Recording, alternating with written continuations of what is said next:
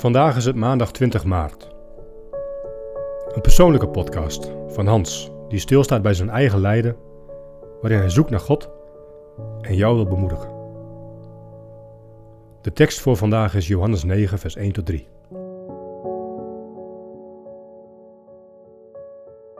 Ik zit op het randje van mijn bed. Nou ja, het is niet echt mijn bed.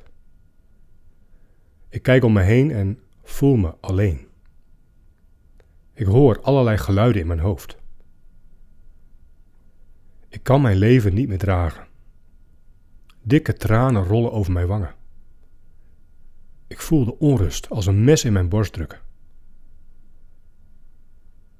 Mijn werkelijkheid is er een van een gesloten afdeling. Ik ben een gevaar voor mezelf geworden. Talloze, hoe komt het dat vragen, spoken door mijn hoofd. Jezus, hoe komt het dat ik hier ben beland? Weg van mijn vrouw en jonge kinderen? Hoe komt het dat ik zo slecht ben gaan zien?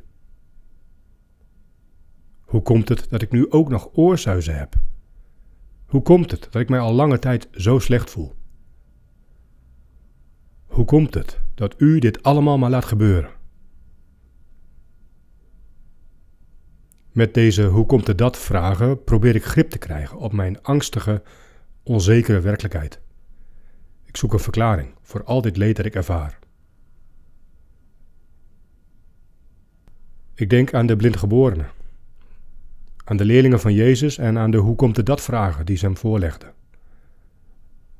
Rabbi, hoe komt het dat hij blind was toen hij geboren werd? Heeft hij zelf gezondigd of zijn ouders?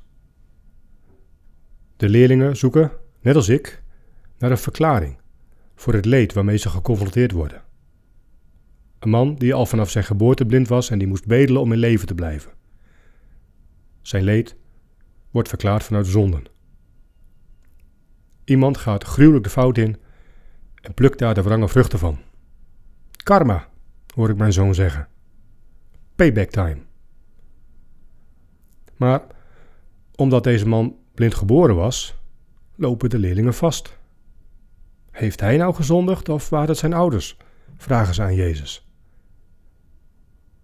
Dan is er die verrassende wending. Nee, houdt Jezus hen voor, hij heeft niet gezondigd en zijn ouders ook niet, maar het werk van God moet door hem zichtbaar worden.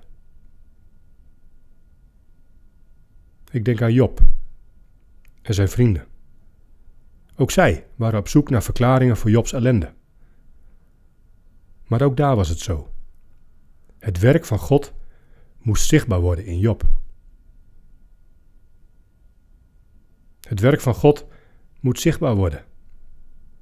Is dat een geruststellende verklaring? Wil God wel een verklaring geven voor alle ellende? Ik zie in het antwoord van Jezus aan de leerlingen meer een alternatief pad. Een pad waarin we rusten in de grootheid van God. Ook Job vond rust in die grootheid. Hij ging de beperktheid van het zoeken naar verklaringen inzien toen God hem verklaringen ging vragen. Vertel eens, Job, waar was jij toen ik de sterrenstelsels aan de hemel plaatste? Worstel jij ook met hoe komt het dat vragen? Hoe komt het dat mijn kleinzoon ziek is? Hoe komt het dat ik maar niet aan die liefde van mijn leven kom? Hoe komt het dat ik altijd maar moe ben? Door stil te staan bij mijn hoe komt het dat vragen, kwam ik tot een belangrijke ontdekking. Mijn vragen ontstaan als ik onrustig ben. Ik wil een verklaring in de hoop rust te vinden. Maar ja, onrust vraagt niet om verklaringen. Onrust vraagt om een arm om je heen. Ik bracht mijn onrust bij Jezus. Er kwamen armen van liefde om mij heen. Een vriend van mij die vol is van Jezus hield mij vast. En door deze vriend werd het werk van God zichtbaar voor mij en in mij. Ik voelde me rustig worden. Ik moedig je aan. Sta stil bij je vragen. Spreek ze hardop uit naar God. Daar is Hij blij mee. En zit er bij jou ook onrust achter? Als dat zo is, nodig Jezus uit in jouw onrust. Laat je vasthouden door jouw machtige schepper.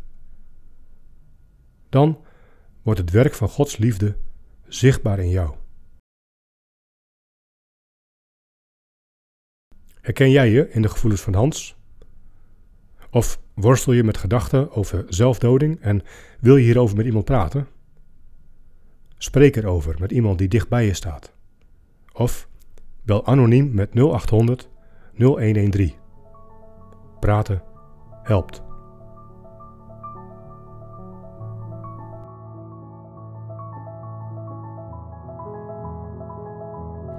Leuk dat je luistert naar 40 dagen hier en nu. De podcast die je wil helpen om Jezus te volgen in jouw hier en nu. Deze podcast is een initiatief van Verre Naasten, Lume, LPB Media en Kerkpunt. Wil je meer weten over deze podcastserie? Ga naar 40dagenhierennu.nl. Voor de Bijbelteksten in deze podcast gebruiken we de MBV 21 van het Nederlands-Vlaams Bijbelgenootschap.